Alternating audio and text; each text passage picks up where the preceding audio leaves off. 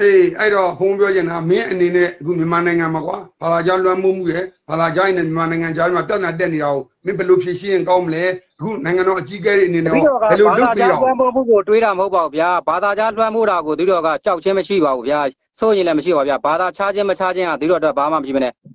မြန်မာနိုင်ငံမှာအေးချမ်းစွာနေလိုခြင်းနဲ့အေးချမ်းစွာမနေခြင်းလိုခြင်းတစ်ဖက်နဲ့တစ်ဖက်ဂုံတိုက်ခြင်းနဲ့ဂုံမတိုက်ခြင်းမြန်မာနိုင်ငံကိုပျက်စီးရပျက်စီးအောင်ကြံခြင်းနဲ့မကြံခြင်းတွေကိုပဲသူတို့ကတွေးတာဗျာဖြစ်တာဗျာ အဲ့ဒါကိုပဲသူတို့ကတွေးပါတယ်ဗျာအဲ့ဒါတွေကိုပဲသူတို့ကချပြနေပါဗျာကောင်းပါလေဘုံဘုံအနေနဲ့လည်းဟိုခုနပြောတော့အခုပြောချင်တာကတို့အမျိုးသားချင်းမညီညွတ်ဘူးအခုဘုံဘုံနဲ့တင်လိုက်တယ်နောက်က like comment တွေကရုံမာတယ်လည်းရှိမယ်နောက်ကျမှ like ဖြတ်တာလည်းရှိမယ်အဲဒါတွေကိုဟိုဝန္နာအာရဗုဒ္ဓဘာသာချင်းအမုန်းပွားပြီးတိုက်နေတာကိုဘုံဘုံမဖြစ်စေချင်ဘူးအဲဘုံဘုံကိုယ်တိုင်လည်းဒါကြောင့်ဘလူးမှာအခုဘုံဘုံကိုလို့ဆပြောရာတယ်တော်ဘယ်လိုလဲသိပါသလဲဗျာဗုဒ္ဓဘာသာအချင်းချင်းလို့ဆရာတော်ဘယ်လိုမျိုးမြင်ထားလို့ပါလဲဗျာ Facebook မှာမင်းအခုသူတို့ပြောနေတာပဲကွာတန်ဃာတွေလည်းပြောနေတယ်ဒါတွေကတကယ်တော့အချင်းချင်းတွေဘာလို့မတော့ဘုံဘုံဒါကြောင့်သူတို့ပြန်မပြောဘူးယူသားပြောရင်မေတ္တာတရားကိုတကယ်နားလည်မယ်ဆိုရင်အဲ့အဲ့ပုံကိုယ်တွေကိုကိုယ့်အချင်းချင်းတွေကိုမုန်းတဲ့စိတ်နဲ့တော့ငါမပြောချင်ဘူးဒါကြောင့်အခုသူတို့အကြောင်းတွေလည်းမပြောဘဲနဲ့မင်းနဲ့ငါနဲ့ပြောတဲ့ကြားထဲမှာအဲဘုံဘုံကတတ်နိုင်သမျှအဖြေလျှော့ပြီးတော့အဲအားလုံးကိုနားလည်သွားစေချင်လို့ပြောတာမင်းပြောနိုင်သမျှကိုဘုံဘုံမင်းမင်းမင်းမြောက်ဖြေမယ်ဒါဆိုလို့ရှိရမင်းင်အဆမျိုးရာလည်းဘုံတော်ပြောလို့ရတယ် ဆရာတော် AOG ကဘယ်နဲ့ဖွဲ့နေများဆရာတော်ကိုတပည့်တော်နဲ့လက်ဝါးချင်းရိုက်ပြီးတော့လှုပ်ဆောင်နေတယ်အချင်းချင်းအတိုင်ဖောက်လုပ်ထားတယ်လို့လူတိုင်းကပြောနေပါတယ်ဗျာဆရာတော် AOG ကိုထောက်ခံတယ်ဆရာပေးကိုထောက်ခံတယ်ဆိုတဲ့လူဘယ်နဲ့ဖွဲ့နေများဆရာတော်ဆက်သွယ်ပြီးတော့စကားတွေများဒီလိုမျိုးပြောဖို့ပါတယ်လေဗျာပြောဘူးသိလည်းမသိဘူးဒါဆိုရင်ဘယ်တော့များလုပ်မယ်လို့ဆရာတော်အစီအစဉ်ရှိပါလဲဗျာအရင်တော့ဆရာတော်ကအဲ့လိုမျိုးလူတွေနဲ့အဆက်အသွယ်ရှိတယ်လို့သူတို့က ဆရာတော်ပြောထားတာပဲဖြစ်ဖြစ်ကြားထားပါတယ်ဗျာအဲ့ဒီမှာဆိုပါတော့အင်းနဲ့ဒီဘက်ကနေတစ်ဖြစ်လဲနေတယ်ဆရာတော်ဒါဆိုလို့ချင်း NLD ဘက်ကလူတွေနဲ့စကားတစ်ခါမှမပြောဘူးဆရာတော်ပြောတာက NLD ဘက်ကလူတွေနဲ့စကားတစ်ခါမှမပြောဘူးအခု AUG ဖြစ်လာတဲ့လူတွေ AUCC ဖြစ်လာတဲ့လူတွေဆရာပေးကိုထောက်ခံတဲ့လူတွေနဲ့ဆရာတော်စကားမပြောဘူးလို့ယူဆပြောပါသလားဗျအဲ့လိုမျိုးဆိုလိုပါလားဗျဟုတ်ပါတယ်ဟုတ်ပါတယ်ဟုတ်ပါတယ်ဘုံမပြောဘူးပေါ့ဒါကြောင့်ဆရာတော်က AUG တွေနဲ့လူတွေနဲ့ AUG ကိုထောက်ခံတဲ့လူတွေငကိုတော့ကရွှေအောင်ဘက်မှာ NLD ဘက်ကနေပါခဲ့တဲ့လူတွေနဲ့ဆရာတော်နဲ့အဆက်အသွယ်မရှိလို့ပြောတာပါလားဗျ ဟုတ်ပါတယ်ဟုတ်ပါတယ်ဒါဆိုရင်သူတို့ဘုံမနဲ့တော့မပြောတော့ပါဘူးဒါဆိုရင်သူတို့မေးကြမရှိဗျဒါဆိုရင်ဆရာတော်နဲ့တပည့်တော်နဲ့ကတစ်ဖက်တည်းဖြစ်နေတယ်လို့လူတွေကယူဆကြဖြစ်နေလိမ့်မယ်သူတို့ကဘယ်ဘက်မှမမပါတဲ့အလဲကောင်မှနေပြီးမြန်မာနိုင်ငံသားတွေကိုငြိမ်းချမ်းဖို့အတွက်ကိုသူတို့ပြောတယ်လို့ဖြစ်တယ်ဆိုတာကိုသူတို့ရဲ့နောက်ပိုင်းမှာအခုထပ်ပြီးတော့လာမယ်စကားတွေမှာသူတို့ပြောပြပါပါဥပမာလေးတွေနဲ့သူကရှင်းပြပါမယ်ဗျအခုလောလောဆယ်ဆရာတော်နဲ့တပည့်တော်နဲ့ပြောတဲ့အခါမှာ ဆရာတော်ကဘာသာရေးကိုတခြားဘာသာတွေလွှမ်းမိုးမှကိုကြောက်တယ်လို့ပြောနေတယ်ဒါပေမဲ့ဆရာတော်တပည့်တော်ကိုမေးတဲ့မေးခွန်းတွေမှာပဲဖြစ်ဖြစ်ဒီတော့နဲ့ဆရာတော်နဲ့ကတစ်ဖက်တည်းပါလို့ရောက်အောင်လို့ဆွဲထားပြီးတော့ဆရာတော်ကတပည့်တော်ကိုတိုက်ခိုက်တဲ့ပုံစံမျိုးတွေမေးလာတယ်တပည့်တော်ကဆွေးနွေးမှုကိုစကားပြောတာဆွေးနွေးတယ်ဆိုတာကအမြင်မတူတာတွေကိုသူနဲ့ကိုယ်နဲ့ချပြပြီးတော့ကိုယ့်ယူဆကိုသူ့ယူဆကိုမေးမြန်းတာဟာမေးမြန်းတာတယောက်ကိုတယောက်စုံစမ်းတာတယောက်ရဲ့ယူဆလေးတွေကိုဖလှယ်တယ်လို့ခေါ်တာပါဗျဆွေးနွေးတယ်ဆိုတာကအဖြေတစ်ခုကိုရဖို့အတွက် အဖြေတစ်ခုကိုရှာတာကိုဆွေးနွေးတယ်အဲ့ဒီအဖြေတစ်ခုကိုရလို့ရှိရင်တယောက်နဲ့တယောက်ဘယ်လိုလုပ်ရင်ကောင်းမယ်ဆိုတာကိုညှိနှိုင်းတယ်လို့သူတို့ကယူဆပါတယ်ဗျဆွေးနွေးခြင်းလည်းမဟုတ်ညှိနှိုင်းခြင်းလည်းမဟုတ်ဖလှယ်ခြင်းလည်းမဟုတ်ပဲနဲ့ဖလဲချင်းလည်းမဟုတ်နဲ့မဲယူဝါဒနဲ့ငါယူဝါဒဘယ်သူကတာလဲဘယ်သူကမြတ်တယ်လဲဆိုတာကိုတော့စကားစစ်ထိုးပွဲလို့ခေါ်ပါတယ်ဗျာအဲ့လိုစကားစစ်ထိုးပွဲမှသာလျင်တယောက်နဲ့တယောက်ကြိတ်မနိုင်ခဲမရဆိုတာကိုဖြစ်လာမှာဖြစ်တယ်ဗျာတချို့ဆွေးနွေးပွဲတွေဟာညှိနှိုင်းလို့မရတော့အောင်ခက်ခဲတယ်ဆိုတာမျိုးတွေလည်းရှိနေပါတယ်ဒါကတော့ညှိနှိုင်းခြင်းပါပဲရှင်ဘုရားကဘာဖြစ်လို့များမကြည်မနဲ့ ပြီးတော့လည်းပတ်သက်ပြီးမကြည်မနဲ့ဘာတွေများဖြစ်ချာရှိပါလဲဗျာမရှိပါဘူးမင်းကငါမကျင်းတဲ့လို့တွေ့တာမဟုတ်ဘူး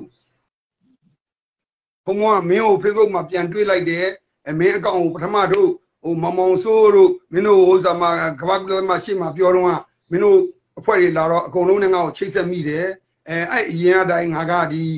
အဲဒီမှာရောက်နေတဲ့ဟိုသပင်အလဲခွဲနဲ့ပါကိုအောင်မင်းကြီးကိုအောင်မင်းကြီးကမြန်မာနိုင်ငံမှာဒီမွတ်စလင်တွေကတော့လှုပ်လို့ဆိုပြီးတော့ ဟို MRD ဘိုးဆရာတော်ကိစ္စမှာမေးတော့ဘုံမဝင်ဆောင်ရွက်ပေးရင်းနဲ့အရင်ကြီးတဲ့ဒီရောက်တော့ဘုံမသူနဲ့အင်တာဗျူးခဲ့တယ်ဘုံမက2011ကတိုင်းအဲဘာသာတာနာနဲ့ပတ်သက်လို့လုပ်နေတာမုံနာတော့မဟုတ်ဘူးလွှမ်းမိုးမှကြောက်တယ်ဆိုတော့လေဟိုအတိညာဏ်မတူရင်အဲတာနာကွဲအောင်လုပ်တတ်တဲ့သူတို့ရဲ့စိတ်ဓာတ်ကြောင့်ဘုရားဘာသာမှာခရီးယန်ယန်လဲကြောက်ရတယ်အစ္စလာမ်ယန်လဲကြောက်ရတယ်ဟောဘုရားဘာသာတွေကကောင်းပါပြီမဲ့လဲလူငယ်တွေကမလိုက်နိုင်ဘူးဘုရားဘာသာကိုအဲလူငယ်တွေမလိုက်နိုင်တော့ကြတော့ အခြားဘာသာလူငယ်တွေကကြောက်မပြောလို့ပါဗျာလူငယ်တွေကိုသူကမပြောလို့ဗျာဆရာတော်အမေရိကန်ကိုဘယ်နှခုနှစ်ကလာပါလဲဗျာအမေရိကန်နိုင်ငံကို2015 2015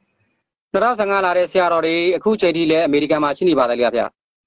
ရှိတယ်ရှိတယ်ရှိတယ်ပြီးလို့ချင်းဆရာတော်ရဲ့အကောင့်ထဲမှာဝင်ကြည့်တဲ့သူများဆရာတော်ရဲ့တငယ်ချင်းများမိတ်ဆွေဘုန်းတော်ကြီးတွေကိုသူတို့ဒီနေရာကနေရှောက်ထားလိုပါတယ်အမေရိကန်နိုင်ငံရောက်ဆရာတော်ကြီးတွေအမေရိကန်နိုင်ငံရောက်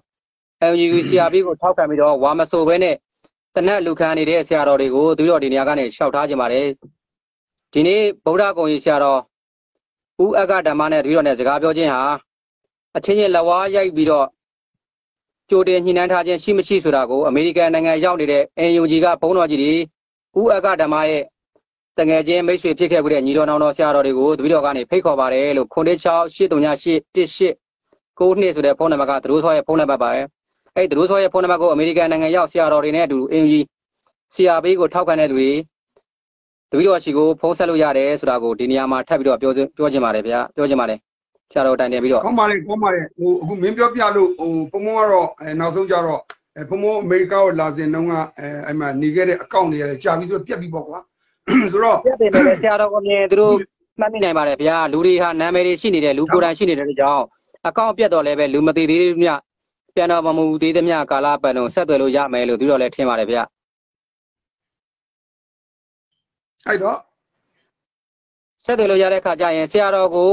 အခုလိုမျိုးလာပြီးတော့စော်ကားနေတဲ့လူတွေကိုအဲ့ဒီဆရာတော်တွေနဲ့ဆက်သွယ်ခြင်းအပြင်ဆရာတော်ကိုတခြားလူတွေရဲ့အမြင်ဆောင်မှုတွေမဖြစ်နိုင်တော့ဘူးလို့သူတို့ကအကြံပြုလိုတာပါဗျာ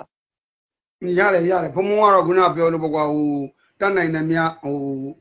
အဲမြစ်တာထားပြီးတော့အကုန်လုံးဆောင်ရွက်ပေးတယ် ဒီကနေ့ PDF တွေဘုံဘုံနဲ့ဆွေးနွေးမှဆွေးနွေးမယ်ခုနကကိုကိုမောင်မောင်ဆိုးလို့လို့မောင်ဆိုးလည်းဆက်ပြောမယ်ကျန်တဲ့နေရာတွေနဲ့လည်းလိုအပ်ရင်လုပ်ပြပါမယ်နာမည်ကြီးဖို့မလိုပါဘူးလူဘဝတိုင်းဆရာအတော်ကုန်ကလုံးကိုပြီးတော့ပြောချင်တာကဆရာတော်အတွက်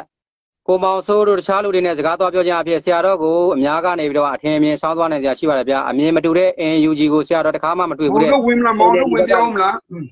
အင်း NLD ဘက်ကလူတွေ AUG ဘက်ကလူတွေနဲ့ဆရာတော်ပြောလို့ရှိရင်ပို့ပြီးတော့အဆင်ပြေပါလိမ့်မယ်ဗျာ။ဘာကြောင့်လဲဆိုတော့ဆရာတော်နဲ့တပည့်တော်နဲ့ပြောတာကိုဒီကနေ့ပဲဆရာတော်ကနေပြီးတော့မမြင်ဘူးမတွေ့ဘူးလို့ပြောနေတဲ့ AUG ထောက်ခံတဲ့လူတွေကဆရာတော်ကိုဝင်ဆဲနေကြတာတွေ့ရပါတယ်ဗျာ။သူတော်ကိုဆဲနေတာကိုသူတော်ကခံစားနိုင်တဲ့စွမ်းအားတွေရှိနေပြီးသားဖြစ်ပြီးဒါကြောင့်ဆရာတော်ကိုဒီတော်တို့ဘက်ကလို့ဆရာတော်ထင်နေတဲ့လူတွေနဲ့မပြောဘဲနဲ့ဒီတော်တို့ဘက်ကနေတချမ်းဖြစ်နေတဲ့သူတော်စင်ကြီးတွေကိုမျိုးကိုကိုပြန်တက်တဲ့လူတွေကိုဆရာသမားတွေကိုပြန်တက်တဲ့လူတွေ အများပြည်သူသိုးဆွဲနေတဲ့လမ်းတွေတရားတွေကိုဘုံခွဲဖို့အတွက်လုပ်နေတဲ့လူတွေနဲ့ဆရာတော်စကားပြောလို့ရှိရင်ပို့ပြီးတော့တင့်တော်မယ်လို့ပြီးတော့ထင်ပါတယ်ဗျာအဲတခုရှိပါတယ်ကွာဘုံဘုံကတော့ဒါမင်းနဲ့သာပြောတာပါခုနကလူအဲနိုင်ငံရေးမှာဟိုအကြီးအကျယ်ကြီးလဲဟိုအားပေးကြတာမဟုတ်ပါဘူးအခုအဲတက်နိုင်နေများတော့အခုဝါရဲမှာတရားကြီးထိုင်ရမယ်သာနာအတွက်လှုပ်လှုပ်ရမယ်အဲအခုစန့်ကျင်ဘက်ပြောတဲ့လူတွေအရင်တော့ဘလော့ရမယ်ဆိုတော့မသိဘူးအခုဒါဘလော့ပေးတဲ့နာတွေဘလော့ပေးတယ်ဒါမင်းတို့လည်းအဆင်ပြေဘုံဘုံကြတော့ အမှန်တန်တိုင်းပြည်တိုးတက်ရေးအတွက်ဘာလုပ်မလဲနိုင်ငံတော်ငြိမ်းချမ်းရေးအတွက်ဘာလုပ်မလဲတို့နိုင်ငံတော်တိုးတက်ရေးအတွက်ကိုအဲလူငယ်တွေဘယ်လိုပါဝင်သင့်တယ်လဲဒါမျိုးလေးတို့မင်းစီကကြားချင်ပါတယ်ဒီတော့ငြိမ်းချမ်းရေးအတွက်ကိုဘာတွေလုပ်နေတယ်လဲဆိုတော့အမေရိကန်နိုင်ငံမှာရောက်ရှိနေတဲ့တစ်စပေါက်တွေကိုယ်နိုင်ငံရဲ့ဂုံတိတ်ကောက်ချနေတဲ့တစ်စပေါက်တွေခြေလေလက်တွေရှိနေပြီးတော့မှကဘာကွက်ပတ်ပြီးတော့ခွက်ခောက်ပြီးတောင်းစားနေတဲ့တရောင်းစားကသူ့ကိုယ်သူအစိုးရပါလို့ပြောနေတဲ့လူတွေကို ဒီတော့ကတိုက်ခိုက်နေပါတယ်အဲ့လိုတိုက်ခိုက်နေတဲ့အပြင်မှာမှမြန်မာနိုင်ငံမှာရှိနေတဲ့ကလေးတွေကိုတယောက်မှမသေးခင်ကလေးကငါညီတို့မင်းတို့တည်တော့မယ်အကိုတို့မတို့တည်တော့မယ်ဆိုတာကိုဒီတော့ကကြိုတင်ပြီးပြောထားတယ်ဆိုတာကိုဆရာတော်ကအခုလိုဖြစ်တဲ့အတွက်ကြောင့်ဒီတော့ဘွေလေးတစ်ခုဖွင့်ပြပါမယ်ဗျာဖွင့်ပြခင်ပြုတယ်ဆိုရင်ဒီတော့ကဒီဖုန်းလေးထဲမှာဆရာတော်ကဖွင့်ပြဖို့အတွက်ကိုနှိပ်ထားတဲ့အတွက်ကြောင့်အခုအချိန်လေးကလည်းကြာပြီဆိုတော့ဒီတော့9မိနစ်ကိုများပြည်သူသိဖို့အတွက်ကိုဒီတော့ဖွင့်ပြဖွင့်ဖွင့်ပြမယ်ဆိုလို့ရှိရင်ဒီတော့ဖွင့်ပြကြပါမယ်ဗျာ ကောင်းပါတယ်ကောင်းပါတယ်မင်းစန္ဒလေးကိုညားလေမင်းကအဲ့ဒါပြောတော့ဖွင့်ပြမယ်ဆိုဘုံဘုံလည်းကြည့်ရတာပေါ့မင်းဘာလို့ဆိုလို့တဲ့အဲဓမ္မမိတ်ဆွေတွေနဲ့အားလုံးကြည့်နေတဲ့လူတွေသိရအောင်ဆက်လက်ပြီးတော့ရှုသားလိုက်ပါအောင်အဲ့ဒါကဒီတော့ကြိုပြောပါမယ်ဗျာမြန်မာနိုင်ငံ2021ခုနှစ်ဖေဖော်ဝါရီလမှာအစမှာပဲအာဏာထိန်းခဲ့တဲ့အချိန်မှာမြန်မာနိုင်ငံသားတွေကိုတေဖို့အတွက်ကိုသူတို့တန်ချက်တွေတိုင်နေကြပြီဆန္ဒပြပွဲကြီးတွေကိုအကြီးလှုပ်ရှားကြပြီလုပ်နေပြီစီရီယံမှာပါဝင်ကြဖို့ဆိုတော့ဖေဖော်ဝါရီလ3ရက်နေ့4ရက်နေ့မှာသူတို့ကြွေးကြော်နေတဲ့အချိန်မှာပဲဒီတော့က အဲ့ဒီနာမည်ကိုကြားတာနဲ့ပဲဒီတော့ကဘေးရင်ဆရာတရားမဟုတ်တော့လည်းပဲမြန်မာနိုင်ငံသားတွေတေချင်းစုနဲ့တေကြတော့မယ်ဆိုတာကိုဒီတော့ကြားရတယ်အဲ့ဒီ9ရက်နေ့6ရက်နေ့တွေမှာ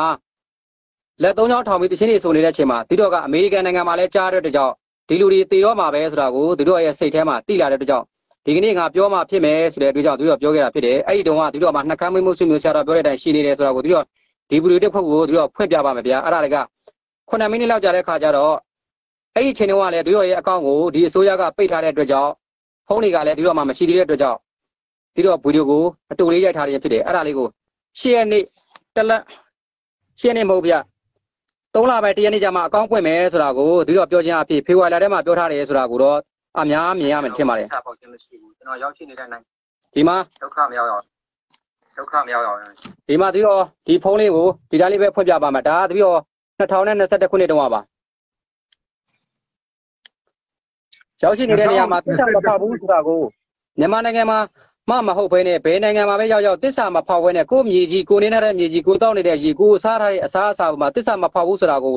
လန်တရာတွေကိုဘုံခွဲဖြတ်စည်းနေတဲ့တစ္ဆပေါက်တွေနဲ့လန်တရာတွေကိုဘုံခွဲဖြတ်စည်းဖို့ကိုဆရာသမားတွေကိုပြန်တက်ဖို့အတွက်မြောက်ပင့်ပေးနေတဲ့ NUG ဆရာပေးတို့ကိုထောက်ခံနေတဲ့တစ္ဆပေါက်တွေအဲ့ဒီလူတွေကိုကြားဖို့အတွက်ကိုသူတို့ကပြောထားခြင်းဖြစ်နေတယ်ပြီးတော့လူငယ်လေးတွေမသေးအောင်လို့ တယောက်မှမသေးခင်ကလေးကသူတို့စောပြောခဲ့တယ်ဆိုတာကိုဒီကနေ့ဆရာတော်ကိုချပြရင်လည်းသူတို့မှတ်တမ်းလေးတစ်ခုကိုပြန်လဲပြီးတော့ပြခြင်းဖြစ်တယ်သူတို့ရဲ့ဗီဒီယိုတွေများစွာပြောထားတယ်ဒါပေမဲ့သူတို့ရဲ့မျက်နှာကိုဖွင့်ထားတာကဒီဗီဒီယိုလေးတစ်ခုပဲထင်ထင်ရှားရှားရှိနေလို့သူတို့ကဒါလေးကိုဖွင့်ပြခြင်းဖြစ်တယ်မြန်မာနိုင်ငံ2021ခုနှစ်ဖေဖော်ဝါရီလမှာတယောက်မှမသေးသေးဘူးသူတို့ပြောတဲ့ကျယ်စင်တို့လာမင်းတို့ဘာညာမသိသေးတဲ့ဖေဖော်ဝါရီလဘယ်နေ့နေ့လဲဖေဖော်ဝါရီလဘယ်နေ့နေ့လဲမင်းပြောတာ ဖေဖော်ဝါရီလ19ရက်21ရက်နေ့တွေကသူတို့နှင်းတော်ထဲမှာရှောက်သွားနေတယ်နှင်းတော်ထဲမှာ AUG ကို AUG ဖြစ်လာမဲ့လူတွေကိုပြည်ပေးတွေကိုခွတ်တောင်းပါလို့ပြောနေတဲ့ခွတ်တောင်းသွေးတွေရဲရဲဆိုတဲ့လူတွေကိုသူတို့နိုင်ဂရာဖော်တဲ့ကိုခုံချရအောင်မင်းတို့နိုင်ငံနဲ့ရှင်ကြည့်ရအောင်ဆိုတဲ့ဘူလိုတွေသူတို့မှတနေရာရာမှာရှိသွားတယ်သူတို့တင်ထားခဲ့တယ်ဖေဖော်ဝါရီလထဲမှာနှင်းတွေအများကြီးကြားထဲမှာအဲ့ဒီတုန်းကပဲသူတို့ကိုတတ်မယ်လို့ပြောတဲ့လူတွေအခုတည်သွားတဲ့လူတွေအများကြီးရှိနေပြီသူတို့ဖွင့်ပြမယ်ဗျအဲ့ဒါခဏခဏဘုံဘုံနဲ့နဲ့လေးပြောခွင့်ပြုပါဦးပြောပါဗျ ငါတို့ဘုံဘုံရဲ့မွေးနေ့က2ရက်2လ1964ပါဘုံဘုံရဲ့အကြောင်းမှာကဆေးရလူနေတော့ဒီကိုဗစ်ကာလမှာဆေးရလူနေတော့မိတ်ဆွေလေးလည်းရှိနေတော့ဘုံဘုံက2ရက်နေ့မှာမွေးနေ့ဝယ်လုပ်ဖို့အတွက်တရက်နေ့မှာကြိုးစားနေတဲ့အချိန်ပေါ့ကွာမနေ့ကြီးစောကြီးမှာဖုန်းပြတ်သွားကြတဲ့အတိုင်းဘာဖြစ်လဲမသိဘူးဆိုပြီးတော့ဖုန်းလိုင်းပြတ်သွားတဲ့အချိန်မှာညနေပိုင်းမှာဖုန်းလဲလာလဲလာအောင်တရက်နေ့မှာအာနာသိမ့်နေနော်ဘုံဘုံက2ရက်နေ့မွေးနေ့လုပ်မှာဖြစ်တဲ့အတွက်အဲ့2ရက်နေ့မှာဘုံဘုံစပြောတာက ဘုံဘုံကစားအတူလေးပဲတင်လိုက်တာပါနိုင်ငံရေးမှာတွေးမစာနဲ့မှန်ရမကြောက်တနတ်ဖောက်ရင်နောက်လူလက်ကြံအကုန်မှန်မှန်တတ်မြတ်တော်လက်မှာရက်တက်စီဆိုပြီးတော့အတူလေးရေးပြီးတင်ခဲ့တာဘာကြောင့်လဲဆိုတော့နိုင်ငံရေးရဲ့သဘောတော်ဝါကိုသိလာရင်လူငယ်တွေတေမာဆိုးလို့ဘုံဘုံအစောဆုံးရေးခဲ့တာဒါလိုပဲတနတ်ပြစ်ပြီဆိုတော့လေသားတို့သမီးတို့ကြီးဆက်မလုပ်ပါနဲ့အဲ့ဒါတယောက်ကိုနှစ်ဖူးကိုမှန်တာဟာဒါတစ်မင်ရွေးလောက်တာမင်းတို့ထပ်ပြရင်ထပ်လုပ်လိမ့်မယ်ဆိုတော့အဲ့ဒါကိုခုနကလူတွေက အခြားအခြားဘာသာတွေကအာဒီဘုန်းကြီးကစစ်တပ်ဘောမှာပါဆိုပြီးတော့ဖုံဖုံကိုဟို edit တွေလုပ်ပြီးတော့ဝိုင်းပြီးဆဲအောင်လုပ်ခဲ့တာဒါပေမဲ့လည်းအဲ့လိုဘောမှာဘုန်းကြီးလို့အခု NUA ဖြစ်သွားတယ်ဘုံကဆွေးနွေးခဲ့တာဒီကနေ့ဘုံဘုံနဲ့ဆွေးနွေးခဲ့တဲ့သူတွေဘုံဘုံရဲ့တကာရင်းတွေဘုံဘုံအကောင့်ကိုပြန်ကြည့်လို့ဘုံဘုံရဲ့ YouTube တို့ကြည့်ရင်အကုန်လုံးမြင်လာတယ်ပြောချင်တာအသားဟိုဟိုသရိုးစောလေးကတကာတော့သရိုးစောကဟိုဇာမဟို19ရက်ဆိုတော့ဘုံဘုံကပထမတစ်ရက်ကတည်းကနိုင်ငံရေးမှာအဲ့လိုဖြစ်တတ်တယ်ဆိုတာကို 88အတွေ့အကြုံရဘုံဘုံကဝင်ပြောတာပါကောင်းပြီအဲ့တော့မင်းဆက်ပြောပါအောင်ဒါလေးဘင်းဆိုင်ဆက်ပြပါအောင် sorry ပြောချင်တာဖုံဖုံကနောက်မကြခဲ့ဘူးလူငယ်တွေနဲ့တိုင်းပြည်ကိုငြိမ်းချမ်းစေချင်တယ်ဒါပေမဲ့အာနာသိမ့်ပြီဆိုတာပြလိုက်တဲ့နေ့ကစပြီးတော့နိုင်ငံရေးမှာသွေးမစားနဲ့မှန်ရမကြောက်မှန်ရမကြောက်လို့တနက်ဖောက်မှာဒီစစ်တပ်ကလည်းတနက်ဖောက်တော့ဟိုကလည်းတနက်ဖောက်အေးနောက်လူလက်ကြံနောက်ဆုံးပြေးနိုင်ပြီပြေးတဲ့ကောင်တွေအခုနိုင်ငံခြားရောက်ကုန်ပြီလှုပ်ရှားနေပြီအဲ မပြေးနိုင်တဲ့လူတွေကပြည်တွင်းထဲမှာပဲအနာခံနေအခုတေတံနေကြခံရဖြစ်ကုန်ကြပြီဒါကိုပြောတာပါ sorry ဆက်ပြောပါတဘောပြောတာဖုံဖုံမညံ့ခဲ့ဘူးနောက်မကြခဲ့ဘူးအားလုံးကိုငြိမ်းချမ်းစေခြင်းနဲ့ဆိုတော့မြင်းသိအောင်ကိုကိုကိုလည်းဒါလေးတော့ဂုံတင်မာရစီဆက်ပြောတင်ပါဗျာတင်ပါဒီတော့အခုဗီဒီယိုကိုဖွင့်တော့ပါဗျာမြေကြီးပေါ်ကိုတစ္ဆာမပေါက်ခဲ့ဘူးမြန်မာနိုင်ငံသားတွေကို9မိနစ်6မိနစ်လား9မိနစ်လားအနည်းတော့ 7မိနစ်လည်းကြာကြာမှာပါသူတို့ဒါလေးကိုအစားဆုံးဖွင့်ပြတဲ့ဘယ်မှာရှိတယ်အဲ့လင့်အဲ့လင့်ပေးလိုက်လို့ရတယ်ဒီကွာမင်းအဲ့လင့်ဒီထဲမှာပို့လိုက်လို့ရတယ်အခုအခုတော့ဖွင့်လိုက်ပါဦးကျွန်တော်ဗီဒီယိုလေးလုပ်ပြီးတော့မြန်မာနိုင်ငံသားတင်ပေးရင်နိုင်ငံတော်မှာဘယ်လိုပဲပြဿနာတွေရှိရှိချွေးတွေတွေးတွေကြားခဲ့လို့ရှိရင်ကျွန်တော်တို့လူမျိုးတွေပဲဖြစ်တယ်ဒီနေ့စိတ်စိတ်ပြအမဲပဲဖြစ်အားလုံးကကျွန်တော်တို့နိုင်ငံသားတွေဖြစ်တယ်နိုင်ငံရေးသမားတွေရဲ့သွေးထိုးလှုံ့ဆော်မှုကြောင့်မလို့ကျွန်တော်တို့နိုင်ငံသားတွေတွေးမကြပါစေနဲ့ဆိုကျွန်တော် ဗီဒီယိုတွေလုပ်ပေးတယ်ဒါပေမဲ့ဝိုင်းဆဲတဲ့လူတွေရဲ့ကျွန်တော်အကောင့်ပဲပို့ထုတ်တဲ့လူတွေကြောင့်မလို့ကျွန်တော်ရဲ့ Facebook အကောင့်တွေကခဏခဏပြတ်ပြေးခဲ့တယ်ကျွန်တော်ပြောခဲ့တဲ့စကားလုံးတိုင်းဟာနိုင်ငံတော်ကိုတစ္ဆာပေါက်ခြင်းမရှိဘူးကျွန်တော်ရောက်ရှိနေတဲ့နိုင်ငံကိုတစ္ဆာပေါက်ခြင်းမရှိတယ်လို့ကျွန်တော်မြန်မာနိုင်ငံသားတွေရဲ့အကျိုးပျက်စီးရပျက်စီးကြောင်းမဟုတ်ဘဲနဲ့အရှင်သဖြင့်တည်တန်းရာတည်တန်းကြောင်းအေဂျင့်ရာအေဂျင့်ကြောင်းဝီယိုလေးတွေကိုကျွန်တော်လုပ်ပေးခြင်းဖြစ်တယ်မနက်ဖြန်မှာဆန္ဒတော့ပြမဲ့လူတွေကဘာကိုရည်ရွယ်ပြီးပြမှာလဲဘာအတွက်ပြမှာလဲ ကယ်လို့ဆန္ဒပြခြင်းရဲ့အောင်မြင်ခဲ့ရင်ဘာတွေရလာမှာလဲမအောင်မြင်ဘာတွေပေးဆက်ရမှာလဲဒါကိုကျွန်တော်တို့နိုင်ငံသားတွေအားလုံးအတွေ့အထဲမှာအေးအေးချမ်းချမ်းလေးနဲ့ပုံတော့အေးအေးထားပြီးတွေးကြည့်ပါပုံတော့အေးထားပြီးတွေးကြည့်ပါစီရီယန်လောက်တာအောင်မြင်လားမအောင်မြင်လားကျွန်တော်မပြောတော့ပါဘူးအောင်မြင်ဘာတွေဖြစ်လာမလဲမအောင်မြင်ဘာတွေဖြစ်လာမလဲမြန်မာနိုင်ငံသားတွေတွေးပါတကယ်လို့မနက်ဖြန်ဆန္ဒသွားပြတဲ့အခါမှာရရှိလာမယ့်အကျိုးဟာဘာတွေလဲပျက်စီးခြင်းတွေကြီးပဲလားအကောင်းတွေကြီးပဲလား ကျွန်တော်ပြောပြပါမယ်။အုံတော့အေးထားပြီးတွေးကြည့်ကြပါ။နိုင်ငံရေးသမားတွေကမြန်မာနိုင်ငံသားတွေကိုမြောက်ပေးခဲ့တယ်။အမေတော်မဆစ်ကြီးလို့ခေါ်တဲ့လူလူကောင်းကောင်တော်ဆန်းစုကြည်ဟာသူ့ကိုဖမ်းဆီးထိန်းသိမ်းမခံရခင်အချိန်မှာသူ့ရဲ့ဖုန်းကိုထုတ်ခွဲခဲ့တယ်လို့သတင်းမီဒီယာပြောတယ်။ဟုတ်တယ်မဟုတ်တယ်ဆိုတော့ကိုယ့်ကိုစဉ်းစားရမယ်။တကယ်လို့ဒါအမေတော်ဆန်းစုကြည်ကမှန်ခဲ့မယ်ဆိုလို့ရှိရင်သူ့လိုရက်တွေမှန်မယ်ဆိုရင်ဖုန်းကိုထုတ်ခွဲစရာအကြောင်းမရှိဘူး။ဒါကတခြားကျွန်တော်လည်းမဆိုင်ဘူးနော်။ထားလိုက်တော့ငါးနှစ်လုံးလုံး နိုင်ငံတော်ကိုအုပ်ချုပ်တဲ့အခါမှာနိုင်ငံတော်တော်တွားနေတဲ့အမေတော်ဆန်းစုကြည်ဟာကိုယ်နိုင်ငံထဲမှာစီလုံးမှုညီညွတ်ဖို့ကိုမဟောခဲ့မပြောခဲ့ပဲနဲ့ကိုယ်နိုင်ငံထဲမှာရှိနေတဲ့အဖွဲ့အစည်းချင်းချင်းရန်တိုက်ပေးတာဟာကျွန်တော်တို့မြန်မာနိုင်ငံသားတွေဖြစ်တင်လားမဖြစ်တင်လားဆိုစဉ်းစားကြည့်ပါနိုင်ငံတော်ကိုခေါင်းဆောင်နေတဲ့နိုင်ငံတော်ခေါင်းဆောင်တယောက်ဟာစီလုံးချင်းကိုသာလေချပြတင်တယ်ညီညွတ်ချင်းကလည်းချပြတင်တယ်အခုမစီလုံးမညီညွတ်တဲ့ကြောင့်တေပွဲတွေဝဲခဲ့ရရင်သွေး တွေနေကြခဲ့ရင်ရဲတွေလည်းပြည်သူဖြစ်တယ်ပြည်သူတွေလည်းပြည်သူဖြစ်တယ်ရဲတွေမှာမိသားစုရှိနိုင်တယ်ကာကွယ်တဲ့နိုင်ငံတော်ဝန်ထမ်းတွေဘယ်သူမှမဆိုမိသားစုရှိပါတယ်ပြီးရင်ကိုရီလူမျိုးတွေပဲပေးလိမ့်မယ်ကျွန်တော်တို့လူမျိုးပေးလိမ့်မယ်နိုင်ငံတော်အာဏာထိသိမ်းသွားတဲ့နေ့ကနေစပြီးတော့အဲကိုရိုအဲ့ကြီးဒီအချက်မှမဖောက်ခဲနဲ့အဲ့ဒါပြောတာလေးပဲခဏထိုင်ခိုင်းတာကျွန်တော်မှန်တယ်မှာကျွန်တော်မပြောလို့ဘူးအမှန်မှားကိုတရားသဖြင့်ဆုံးမရမှာဖြစ်တယ် နိုင်ငံခြားကလူတွေပဲဖြစ်ဖြစ်နိုင်ငံတိုင်းမှာနေတဲ့မီဒီယာသမားတွေပဲဖြစ်ဖြစ်ကျွန်တော်တို့အသက်သေးစင်လားအသက်အသက်တွေဈေးတင်လားမသေးစင်လားကိုအုံးလုံးနဲ့ကိုစဉ်းစားကြစီရီယန်ကြီးအောင်မြင်ခဲ့လို့ရှိရင်ဖားသွားတဲ့လူတွေကိုချက်ချင်းလွတ်ပေးမယ်လို့ထင်သလားတရားသဖြင့်စီရင်ပြီးတော့မှမှန်ရင်လွတ်ပေးမယ်မမှန်ရင်ထိုက်တဲ့အပြစ်ကိုခံရမှာဖြစ်တယ်တကယ်တော့လက်ဖန်သွားလို့တေပွဲပြန်လို့ကျွန်တော်တို့လူမျိုးတေရလိုက်မယ်အဲ့ဒါဟုတ်လားကျွန်တော်တို့တေရလိုက် မြန်မာနိုင်ငံမှာကျွေးကြော်တန်းနှစ်တန်းကိုအဓိကထားပြီးကျွန်တော်ပြောပြချင်တယ်နိုင်ငံသမားတွေဘယ်လောက်ထိရုံမာလဲဆိုတော့တနက်တစ်ချက်မှမဖောက်တဲ့ဟာကိုတရားသဖြင့်မဖြေရှင်းမဲနဲ့ဘိုးချုပ်ပေးတဲ့စစ်ပညာပြည်သူတွေကိုတတ်ဖို့မဟုတ်ဘူးဘိုးချုပ်ပေးတဲ့စစ်ပညာပြည်သူတွေကိုတတ်ဖို့မဟုတ်ဘူးဆိုကျွေးကြော်နေတဲ့ကျွေးကြော်တန်းမြန်မာလူမျိုးတွေမသေးသေးတဲ့အတွက်ကြောင့်မလို့သူတို့တအားနာပြီးတော့မှသေစေခြင်းတဲ့အတွက်ကြောင့်မလို့မြန်မာလူမျိုးတွေကိုတွေးထုံးလှုပ်ဆော်ပေးနေတာဖြစ်တယ်တနက်တစ်ချက်မှမဖောက်တာကိုဘိုးချုပ်ပေးတဲ့စစ်ပညာ ပြည်သူတတ်ဖို့မတတ်တာကိုတတ်ပါတယ်လို့ပြောနေတာအလကားပြောနေတာမဟုတ်ဘူးတတ်စေခြင်းတဲ့အတွက်ကြောင့်မလို့နိုင်ငံသမားတွေတုံ့ဆော်ပေးတာဖြစ်တယ်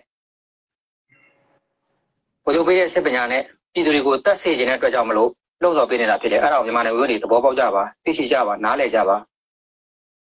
နောက်တစ်မျိုးကအင်တာနက်တွေဒီမှာဖြတ်ပြီးတဲ့နောက်မှာပထမပြီးတော့ပြောပြချင်တာက ဘိုးချုပ်ပေးတဲ့စစ်ပညာပြည်သူတွေကိုတတ်ဖို့မဟုတ်လို့ပြောတဲ့အချိန်မှာတယောက်မှမသေးသေးတဲ့အချိန်မှာသူတို့ပြောတာတာတည်သွားခဲ့လို့ရှိရင်သူတို့ကတယောက်ယောက်ကတည်သွားခဲ့ပြီလို့သူတို့ကပြောမှဖြစ်တယ်အဲ့ဒါကဖေဖော်ဝါရီလရဲ့အစပိုင်းမှာပဲမျိုးရံအောင်သိန်းတို့អော်နေတဲ့အချိန်မှာသူတို့ကပြောတာတာဒီမှာကျွန်တော်ပြောတယ်လို့တတ်မှပြောတာလေကိစ္စမရှိဘဲနဲ့အလုံးလုံးနေတဲ့လူတွေကိုမင်းပြောတာတွေကိုနားထောင်ပြီးလောက်တာတွေဟာကိုထမင်းကိုကိုခွဲပြီးတော့မှသူများထမင်းဘက်ကောင်တဲနဲ့ပတ်တာနဲ့တူတယ်ဒီလိုရုံမှလည်းလောက်ရက်တွေ အာနိုင်ငံရေးသမားတွေရဲ့ဟုတ်ပြီဒီတော့အဲ့ဒါဆိုဆရာတော်ပြောတော့နားထောင်မယ်နားထောင်မရင်ဒီတော့ရဲ့ယူရချက်တစ်ခုကိုဒီကနေ့ဒီတော့ပြောမယ်ဆရာတော်ပြောတော့ဒီတော့ရင်နားထောင်မယ်ဗျကောင်းတယ်ဒီလိုပါဟိုဘုံဘုံမြင်ရတော့အဲမင်းပြောတဲ့ဥစ္စာကိုမင်းငါစီကိုဖိုက်ပုတ်လိုက်တော့ဘုံဘုံနားထောင်ရတယ်လीနားထောင်ပြီးသွားပြီတော်တော်သဘောကျတယ်ဘာကြောင့်လဲဆိုတော့အဲမင်းပြောလို့ပြောရမယ်ဆိုရင်ဘိုလ်ချုပ်ပေးတဲ့စစ်ပညာပြည်သူတွေတတ်ဖို့မဟုတ်ဘူးဆိုဘယ်လိုပဲပြောနေနေ တကယ်တော့ဒီကနေ့ PDF သားငယ်သမီးငယ်တွေဟာနိုင်ငံတော်ကိုတော်လှန်တယ်ဆိုတာဒေါအောင်ဆန်းစုကြည်ပဲထမိန်ချုံလို့ပဲဖြစ်ဖြစ်အဲအရေးကြီးတာသူတို့ရင်ထဲမှာဒေါသနဲ့တော်လှန်ပြီဆိုရင်ဘာပြောကိုသားကိုသမီးတွေဖြစ်တဲ့အတွက်ဘုံဘုံကမဖြစ်စေချင်ဘူးအဲ့ဒါဟာဟိုဘယ်သူ့ကိုချစ်လို့လည်းမဟုတ်ဘူးနောက်ဆုံးတော့အခုလိုသိနေတဲ့ဥစ္စာမှာတို့မမြင်ရတဲ့သိချင်းတွေအများကြီးပဲသတင်းမဖော်ရတဲ့သိချင်းတွေလည်းအများကြီးပဲဒါကြောင့်ဘုံဘုံကစာနာတာဆိုတော့အဲအခုလိုနောက်ကမြောက်ပေးပြီးသူတို့ကလွတ်အောင်ယုံပြီး အခုပြည်သူတို့အလိန်ခန်းနေရတဲ့တို့လူငယ်တွေအတွေ့အခေါ်တိတ်ညံ့တယ်ဒီလိုပဲအမျိုးသားရေးသမားတွေထဲမှာအဲ့လိုညံ့လို့ငါရဲ့အမြင်အယူအဆပေါ်မှာလာပြီးပုတ်ခတ်တယ်လေဘုံဘုံက neglect လုပ်လိုက်တယ်ဘာကြောင့်လဲဆိုတော့နားလည်ပြီးလိုက်တာဆိုတော့ပြောချင်တာကအဲ့ဒီအချိန်မှာဘုံဘုံလည်းပြောခဲ့တယ်တကယ်လူအပ်တဲ့အချိန်မှာဘာလဲဆိုတော့ငါတို့တော်လန်နေတာဟာဘိုလ်ချုပ်အောင်ဆန်းတော်လန်တယ်လို့ဘာသာကြားလူမျိုးကြားတိုင်းကြားကိုတော်လန်တာမဟုတ်ဘူးကိုယ်လူမျိုးချင်းဖြစ်တဲ့အတွက်ဟိုဘက်ကလည်းဗမာ ဗုဒ္ဓဘာသာဒီဘက်ကလည်းဗမာဗုဒ္ဓဘာသာနောက်ကမြောက်ပေးတာအခြားဘာသာကလက်ကုပ်တီးနေတာကိုသိနေတဲ့တွေးတွေဟာနှစ်ဖက်လုံးကကိုယ်ပဲဆိုအစောဆုံးဘုံဘုံပြောခဲ့တာဒါတဲ့တဲ့ပြောရင်ဘုံဘုံအများကြီးစောတယ်ဒါပေမဲ့အခုမင်းပြောတဲ့မင်းဟာလေးကိုဖတ်တော့လေနားတော်ကြီးအော်ကောင်းတာပဲမင်းမင်းအဲ့ဒီမှာတစ်ချက်စီချပြသွားတဲ့ဟိုအကြောင်းတရားတွေဒါလေးဓာလေးပြီးသွားရင်အဲ့အောက်မှာ comment အောက်မှာမင်းအဲ့ link လေးထည့်ပြလိုက်ပါကျန်တဲ့သူတွေလာကြည့်နေတဲ့သူတွေလည်းသိရတာပေါ့တကယ်လဲနားထောင်နေမှာတယ် တကယ်ကြိုက်လို့ကြိုက်တယ်လို့ယူသားပြောတာပါဘာလို့ဆိုတော့မင်းတို့အမြင်မျိုးလူငယ်တွေမှာရှိနေမယ်ဆိုဘာမှမဖြစ်နိုင်ဘူးဘုံဘရသဘောပေါက်လားတင်ပါဗျာသဘောပေါက်ပါတယ်ဗျာသဘောပေါက်ပါတယ်ဗျာပေါက်တယ်ဗျာအဲ့တော့ဘုံဘုံဒီကနေ့မင်းနဲ့ဘုံဘုံနဲ့တွေ့ဆုံခြင်းဟာမင်းကလူငယ်တယောက်မဟုတ်တော့ဘူးလူလက်ပိုင်းရောက်ပြီဆိုရင်လေဒီနိုင်ငံမှာအခုဖြစ်နေတဲ့လူငယ်တွေကိုဘုံဘုံကိုယ်တိုင်ခုနအဲအခုလို PDF တက်မှာရောက်ပြီးတော့တော်လန်နေတဲ့လူတွေဆွေးနွေးခြင်းနဲ့ဆိုရင်ဗုဒ္ဓဂုင်ဆရာတော်က ဆွေးနွေးမှာပါဒီလိုပဲတိုင်းပြည်တိုးတက်ရေးအတွက်အခုလိုတစ်ဖက်တစ်လမ်းကနေပြီးတော့နိုင်ငံခြားမှာနေပြီးတော့မင်းပြောသလိုပဲဒီမြေမှာနေဒီထမင်းစားခဲ့ရင်အမေရိကန်နိုင်ငံမှာနေတဲ့အတွက်အမေရိကန်နိုင်ငံထမင်းလည်းမင်းကူစားနေရပါပြီဒီကာလမှာသစ္စာစောင့်သိခြင်းဆိုရင်ဘုံဘုံတို့ကကိုယ်တိုင်းပြည်ကိုယ်လူမျိုးကိုယ်ဘာသာအတွက်မြန်မာနိုင်ငံရဲ့လူငယ်တွေဘယ်လိုလုပ်တင်လဲဆိုတာစဉ်းစားသိခြင်းနဲ့မင်းပေးတဲ့အကြံမင်းပြောတဲ့အတွေးအခေါ်တွေဟာတကယ်လဲကောင်းလို့ဘုံဘုံကမင်းကိုလန့်ပြီးတော့တလေးစားတွေးလိုက်တာပါ ခုနကိုအောင်မင်းကြီးလန့်မေးတဲ့ကမ္ဘာကြီးကိုအောင်မင်းကြီးငါပြောပြမယ်နေအောင်ဆိုပြီးတော့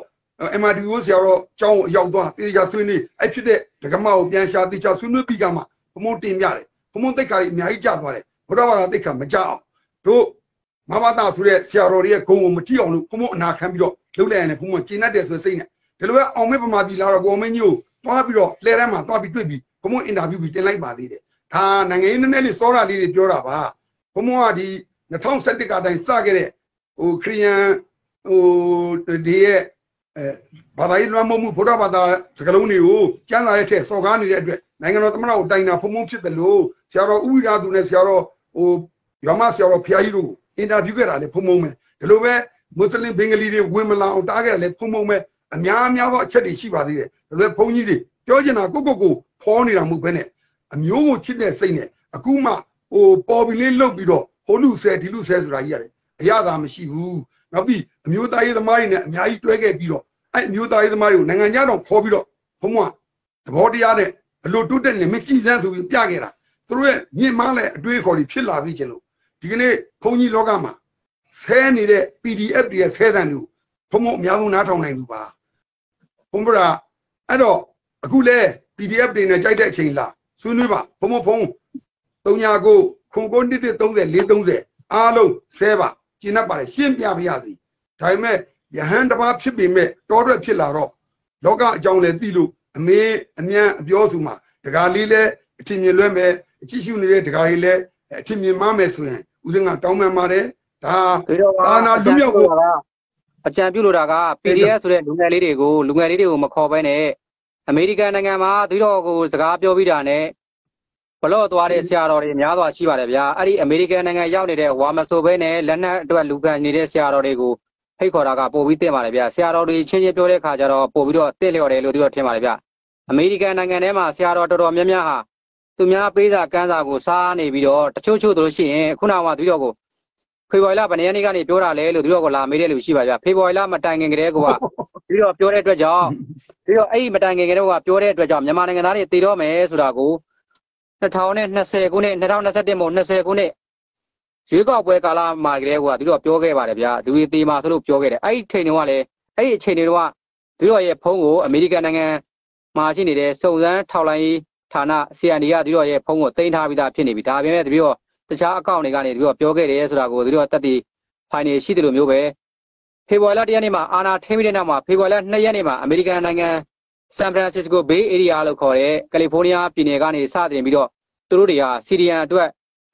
အဖွဲ့တစ်ခုဖွဲ့ခဲ့ပြီလို့ပြောခဲ့တယ်။အဲ့ဒီအဖွဲ့ဟာဒီကနေ့ပြက်လူနီးပါဖြစ်နေပြီးတော့မြို့ထဲမှာဆန္ဒမပြဘဲနဲ့မြို့ပြင်မှာတွားပြီးဆန္ဒပြတဲ့အခြေအနေမျိုးကိုရောက်နေပြီ။ဘာကြောင့်လဲဆိုတော့မြန်မာနိုင်ငံကိုဖျက်ဆီးဖို့အတွက်ကို